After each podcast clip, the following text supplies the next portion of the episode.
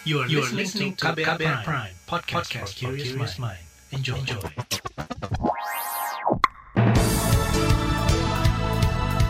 Selamat pagi saudara, selamat berjumpa kembali dengan KBR melalui program Buletin Pagi untuk edisi hari ini Kamis 30 September 2021.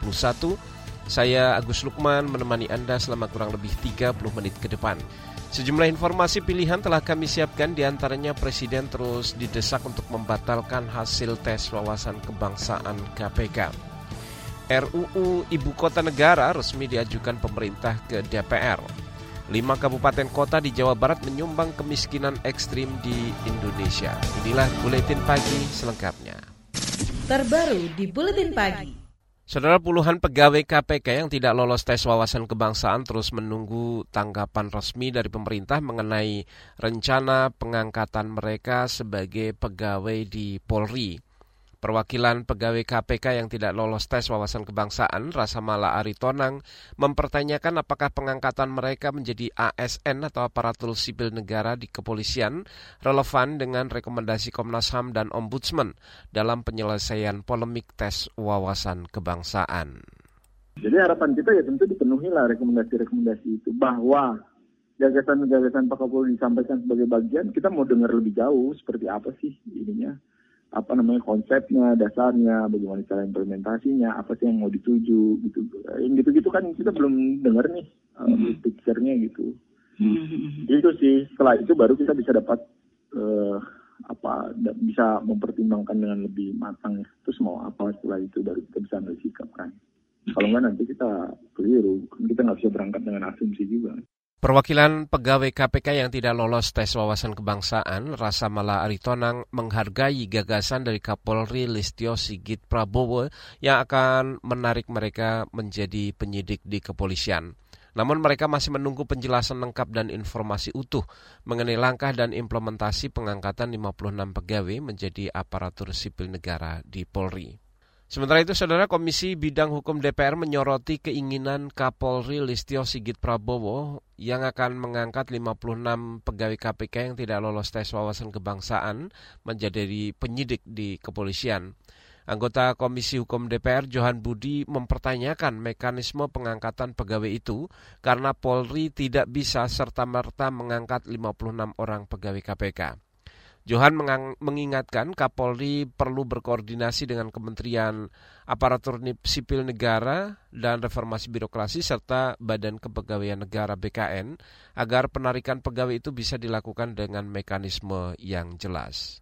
Tapi yang perlu digarisbawahi sekali lagi adalah e, mekanisme ini juga harus melalui e, diskusi yang e, panjang ya dengan e, BKN dan e, Menpan RB bagaimana nanti uh, solusi terbaiknya gitu.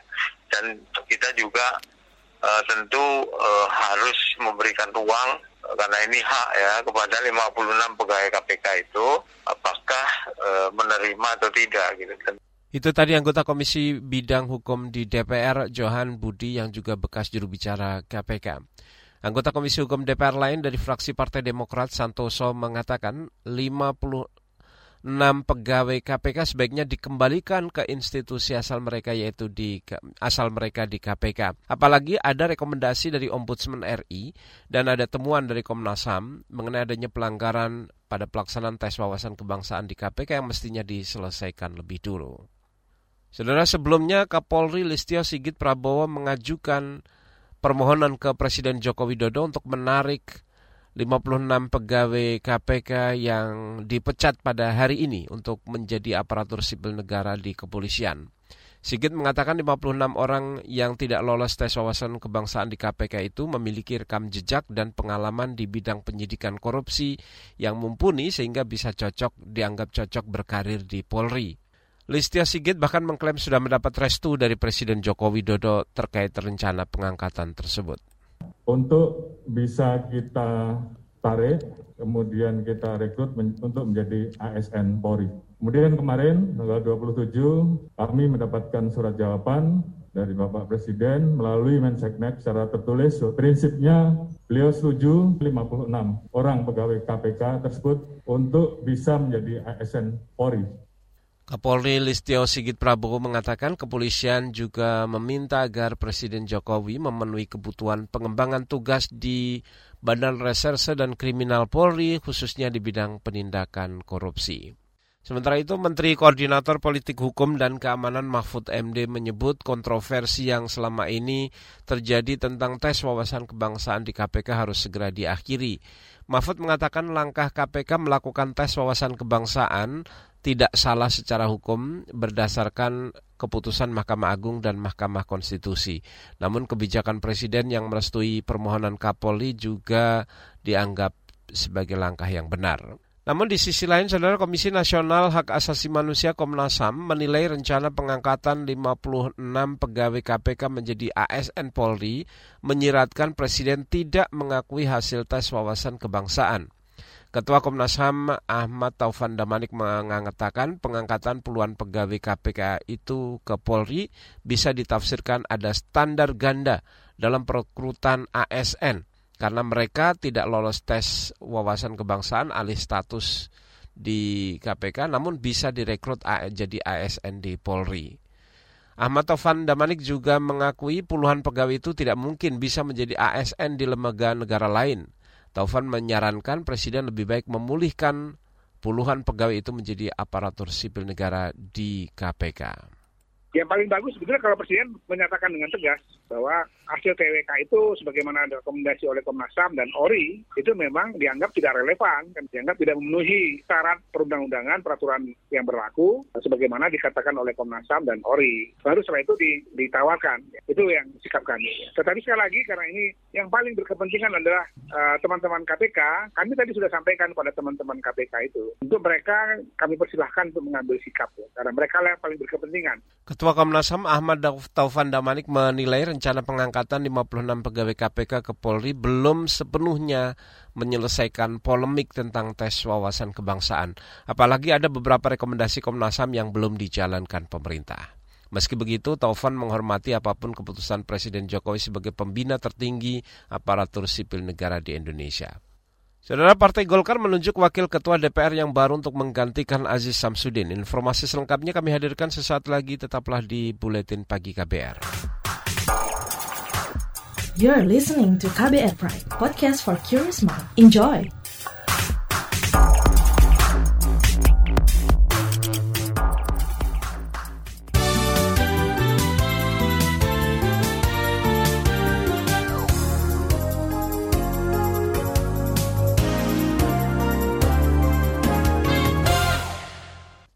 Saudara pemerintah resmi menyerahkan surat presiden atau surprise mengenai pembahasan rancangan undang-undang ibu kota negara baru ke DPR. Dokumen itu diserahkan Menteri Sekretaris Negara Pratikno dan Menteri Perencanaan Pembangunan Nasional Kepala Bappenas Suharso Monoarsa. Kamu maksud Suharso Monoarfa. Dokumen itu diterima Ketua DPR Puan Maharani. Undang-undang ini terdiri dari 34 pasal, 9 uh, bab, dan uh, telah disusun uh, sedemikian rupa uh, mengikuti kaidah-kaidah uh, penyusunan sebuah rancangan undang-undang sebagaimana dimuatkan di dalam uh, naskah akademik. Jadi naskah akademik dan juga rancangan undang-undang telah kami sampaikan kepada uh, Ibu Ketua uh, DPR. Itu tadi Menteri Bapenas Soeharto Monarfa. Sementara Ketua DPR Puan Maharani mengatakan semua draft telah diterima dan akan segera diproses di DPR untuk segera dibahas. Ia mengatakan pembahasan RUU Ibu Kota Negara baru akan dilakukan agar pembangunan Ibu Kota Negara tidak terhambat. Puan menambahkan pembangunan Ibu Kota Negara baru tidak bisa dilakukan selama dua hingga tiga tahun melainkan secara bertahap. Masih dari DPR, Saudara, Partai Golkar telah mengirim nama baru pengganti Aziz Samsudin sebagai Wakil Ketua DPR. Aziz mundur dari kursi pimpinan DPR karena menjadi tersangka kasus suap dan korupsi. Ketua Umum Partai Golkar Erlangga Hartarto menunjuk Ludwig F. Paulus sebagai pengganti Aziz Samsudin di kursi pimpinan DPR. Dalam rapat pleno tanggal 27 September kemarin, Partai Golkar telah memutuskan untuk menunjuk Saudara Haji Ludwig F. Paulus sebagai calon wakil ketua DPR menggantikan Saudara Aziz Samsudin. Ketua Umum Partai Golkar Air Langga Hartarto mengatakan Ludwig Paulus saat ini menjabat sekretaris Partai Golkar. Penunjukannya sudah melalui mekanisme di internal partai. Air Langga berharap DPR segera menggelar rapat paripurna agar penggantian antar waktu untuk Aziz segera bisa diselesaikan. Kita ke informasi lain, Saudara Kementerian Pariwisata dan Ekonomi Kreatif meminta para pengusaha hotel dan restoran atau PHRI menyiapkan paket staycation untuk tenaga kesehatan atas kerja keras mereka menangani pandemi COVID-19 di Indonesia. Menteri Pariwisata dan Ekonomi Kreatif Sandiaga Uno mengatakan telah menyampaikan permintaan itu kepada Ketua Umum PHRI Haryadi Sukamdani saat konferensi pers secara virtual kemarin saya ingin menitipkan pesan untuk teman-teman PHRI. Kebetulan uh, kita lihat ada penurunan kasus yang cukup menggembirakan, tapi kan para nakes ini kerjanya masih capek karena kemarin ini uh, mereka kerja keras. Nah, uh, mohon bisa dipro, disiapkan paket-paket staycation atau uh, paket istirahat untuk para tenaga kesehatan di hotel-hotel um, sehingga program yang kami siapkan ini bisa terserap dengan baik. Menteri Pariwisata Sandiaga Uno juga membahas persiapan pembukaan pariwisata Indonesia untuk domestik dan turis mancanegara. Saat ini Kementerian Pariwisata tengah menyiapkan skenario untuk membuka pariwisata bagi turis mancanegara dengan tetap fokus ke wisatawan dalam negeri. Saudara kita ke informasi olahraga, tim bulu tangkis Indonesia menjadi juara grup C dalam turnamen bulu tangkis bergu Piala Sudirman setelah mengalahkan tim Denmark. Ganda campuran Indonesia, Praven Melati menjadi penentu kemenangan tim Indonesia atas Denmark dan memenangi pertandingan total dengan skor 3-2. Dalam pertandingan itu, poin kemenangan di Indonesia disumbang oleh ganda putri Gracia Apriani, ganda putra Kevin Marcus, dan ganda campuran Praven Melati. Sementara tunggal putri dan tunggal putra Indonesia gagal merebut poin. Kita bergeser ke Papua dari ajang Pekan Olahraga Nasional Indonesia PON ke-20 Papua. Kontingen Jawa Timur berhasil menyabet emas di cabang sepak takraw nomor ganda putri. Maksud kami ganda putra di Pekan Olahraga Nasional PON ke-20 Papua. Jawa Timur mengalahkan Sulawesi Selatan dengan skor 2-1 di partai final. Sementara di cabang olahraga dayung, kontingen Jawa Barat berhasil menambah dua medali emas di nomor kayak 2 1000 meter dan kano 2000 meter putra. Saat ini Provinsi DKI Jakarta berhasil menyalip Papua di perolehan medali sementara PON ke-20. Jakarta mengumpulkan 14 emas, 6 perak dan 7 perunggu, sedangkan Papua yang ada di peringkat kedua memperoleh medali emas 12, 3 perak dan 9 perunggu. Sementara Jawa Barat, Jawa Timur dan Bali menempati posisi 3, 4 dan 5 dalam perolehan sementara medali di PON ke-20. Kita ke informasi mancanegara, Saudara Kementerian Kesehatan Filipina mendeteksi ada 600-an kasus COVID-19 mutasi baru yang masuk ke daftar varian yang diwaspadai Organisasi Kesehatan Dunia WHO. Dari jumlah kasus itu, hampir 400-an kasus berasal dari varian Delta yang cepat menular. Mengutip CNN Filipina, saat ini Filipina mencatat 3.300-an kasus varian Delta dan infeksi ini menjadikan negara ini menjadi salah satu yang tertinggi di Asia Tenggara. Pada 19 Februari lalu, Filipina mencatat rekor kasus harian tertinggi di Asia Tenggara dengan laporan 19.000 kasus dalam sehari terakhir. Filipina kini berada di peringkat ke-8 dunia untuk kasus penambahan positif COVID-19 di hampir sebulan terakhir ini. Di bagian berikutnya, saudara kami hadirkan laporan khas KBR mengenai nasib rekomendasi lembaga negara soal tes wawasan kebangsaan. Nantikan informasinya sesaat lagi, tetaplah di Buletin Pagi KBR. You're listening to KBR Pride, podcast for curious mind. Enjoy!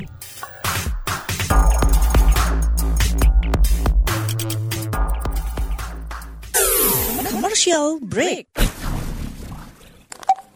Transfer ke sini udah, bayar ini juga udah. Ke gue udah. Heh, pertumbuhan ekonomi tuh lagi melambat, persis kayak tabungan gue.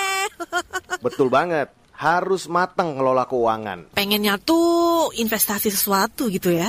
Apa gitu yang cocok dan menguntungkan? Hmm, coba dengerin uang bicara deh. Gue belakangan lagi dengerin podcast itu di KBR Prime. Reksadana tadinya 500 juta udah turun dari 250 juta sekarang 10 ribu. Sama kita ngopi mahalan mana? Ketika itu ada keputusan yang kayak begitu investor harus tahu gitu oh ada keputusan ini berarti implikasinya apa? Orang mungkin perluas literasi kamu lewat podcast Uang Bicara. Uang Bicara menavigasi kamu dengan menghadirkan bahasan-bahasan seru dan populer mulai dari investasi sampai kebijakan dipersembahkan oleh KBR Prime dan bisa didengarkan di KBR Prime, Spotify, dan platform mendengarkan podcast lainnya. KBR Prime, podcast for curious mind.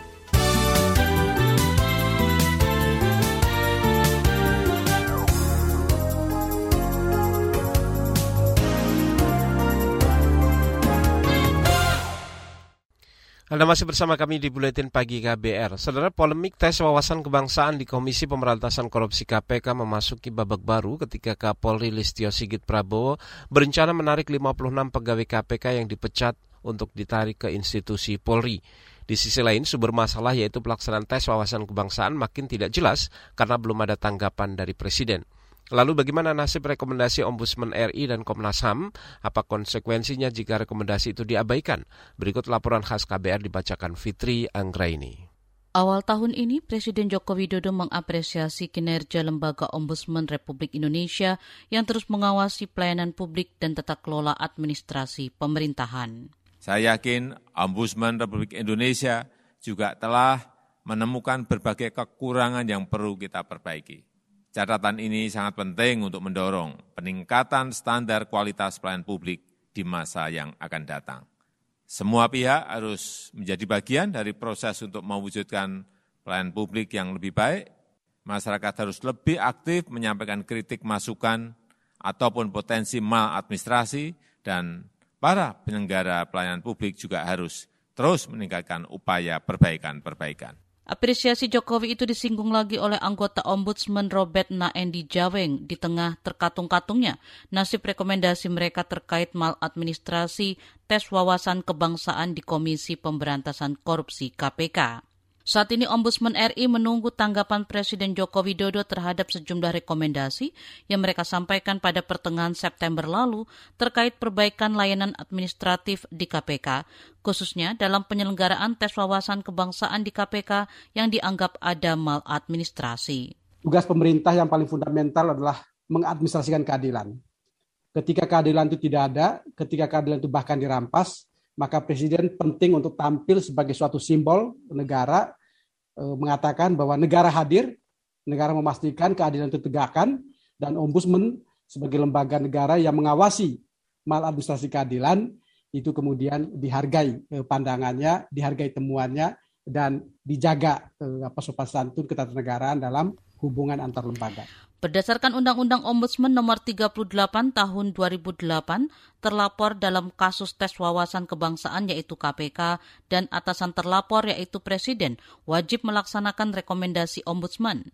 Rekomendasi Ombudsman RI harus dijalankan dalam kurun waktu paling lama 60 hari sejak dikeluarkan pada 16 September lalu. Jika tetap diabaikan, Ombudsman akan mengumumkan ke publik dan melapor ke DPR. Tak hanya Ombudsman RI, Komisi Nasional Hak Asasi Manusia Komnas HAM juga menunggu tanggapan Presiden terkait rekomendasi yang mereka keluarkan terkait pelaksanaan tes wawasan kebangsaan yang diwarnai pelanggaran hak asasi manusia. Anggota Komnas HAM Koirul Anam mengatakan sudah dua kali mengirim surat ke Presiden Joko Widodo meminta bisa bertemu agar bisa menjelaskan utuh temuan mereka. Lah, eh, kenapa kami kok kepingin juga ketemu secara langsung? Seperti tradisi sebelumnya jadi kasus-kasus sebelumnya kami juga bertemu dengan presiden gitu. Karena memang eh, tidak semua kasus tentunya kalau di kami rekomendasinya pada eh, presiden, tapi memang kasus-kasus yang mendapat perhatian publiknya sangat luas. Secara teknis memang laporan kami 340 sekian halaman. Nah, kami kepingin langsung menunjukkan bukti-buktinya. Dalam rekomendasinya, Komnas HAM meminta Presiden Joko Widodo memulihkan status dan nama baik pegawai KPK yang dinyatakan tidak memenuhi syarat menjadi aparatur sipil negara. Selain itu, Komnas HAM meminta Presiden membina seluruh pejabat kementerian dan lembaga yang terlibat dalam proses alih status yang bermasalah itu. Koirul Anam mengatakan sebelumnya mereka juga bisa bertemu langsung dengan Presiden Jokowi dan menyampaikan hasil temuan mereka mengenai kasus penembakan Laskar FPI. Anam berharap pertemuan serupa juga bisa digelar mengenai kasus KPK. Pengamat hukum tata negara dan pegiat anti korupsi dari Universitas Gajah Mada, Zainal Arifin Mokhtar, khawatir diamnya Presiden Joko Widodo karena ada sesuatu kekuatan di luar kemampuan Jokowi. Kalau misalnya kita bayangkan uh, Pak Firly kekeh, gitu ya, CS kekeh melawan perintah Jokowi, Jokowi pun misalnya tidak bisa apa-apa terhadap itu, ya itu yang saya bilang tadi. Jangan-jangan ini persoalannya memang uh, di luar kuasa keduanya ya. Di luar kuasanya Firly, di luar kuasanya uh, Pak Jokowi sendiri, jangan-jangan. Dan kalau saya menyitir pernyataannya Mas Mbak Asfi tadi, ya kalau memang ini sudah di luar kuasanya Presiden, ya pasti ada pertanyaan besar soal kapasitas dan kualitas Presiden Jokowi dalam uh, memimpin uh, Republik ini. Hingga sehari sebelum 56 pegawai KPK resmi dipecat, rekomendasi dua lembaga negara itu tidak mendapat perhatian dari Presiden. Laporan ini disusun Agus Lukman. Saya Fitri Anggreni. Sejumlah informasi pilihan telah kami siapkan untuk Anda di bagian berikutnya, Buletin Pagi KBR. You're listening to KBR Pride, podcast for curious mind. Enjoy!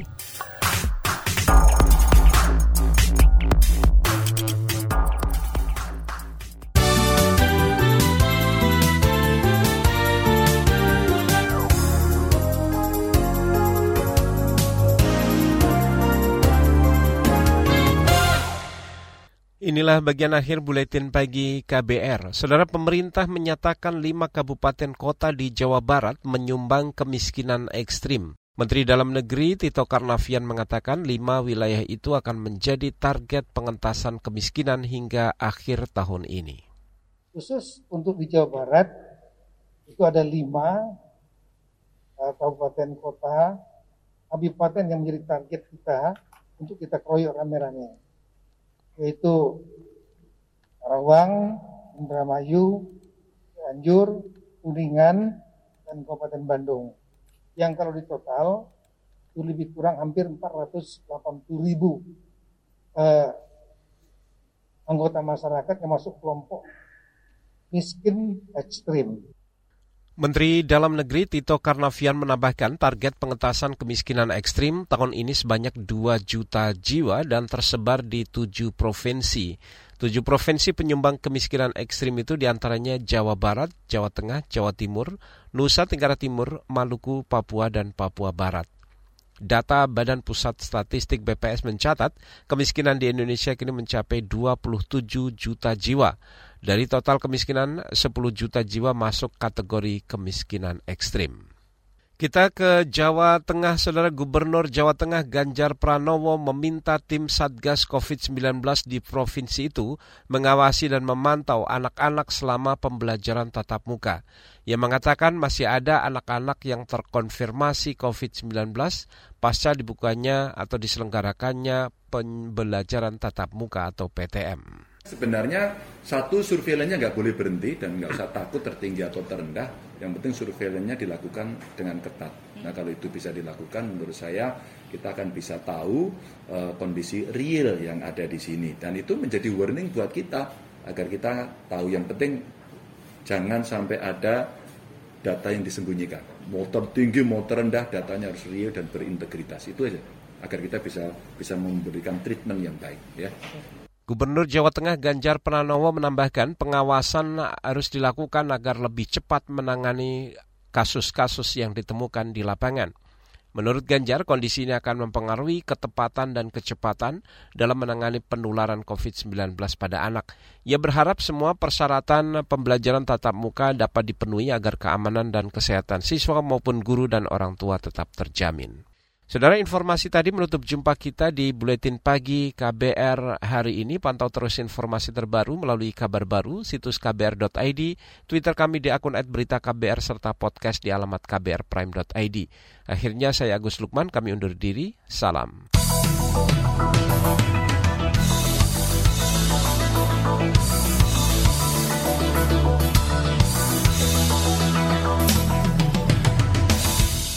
KBR Prime, cara asik mendengar berita. KBR Prime, podcast for curious mind.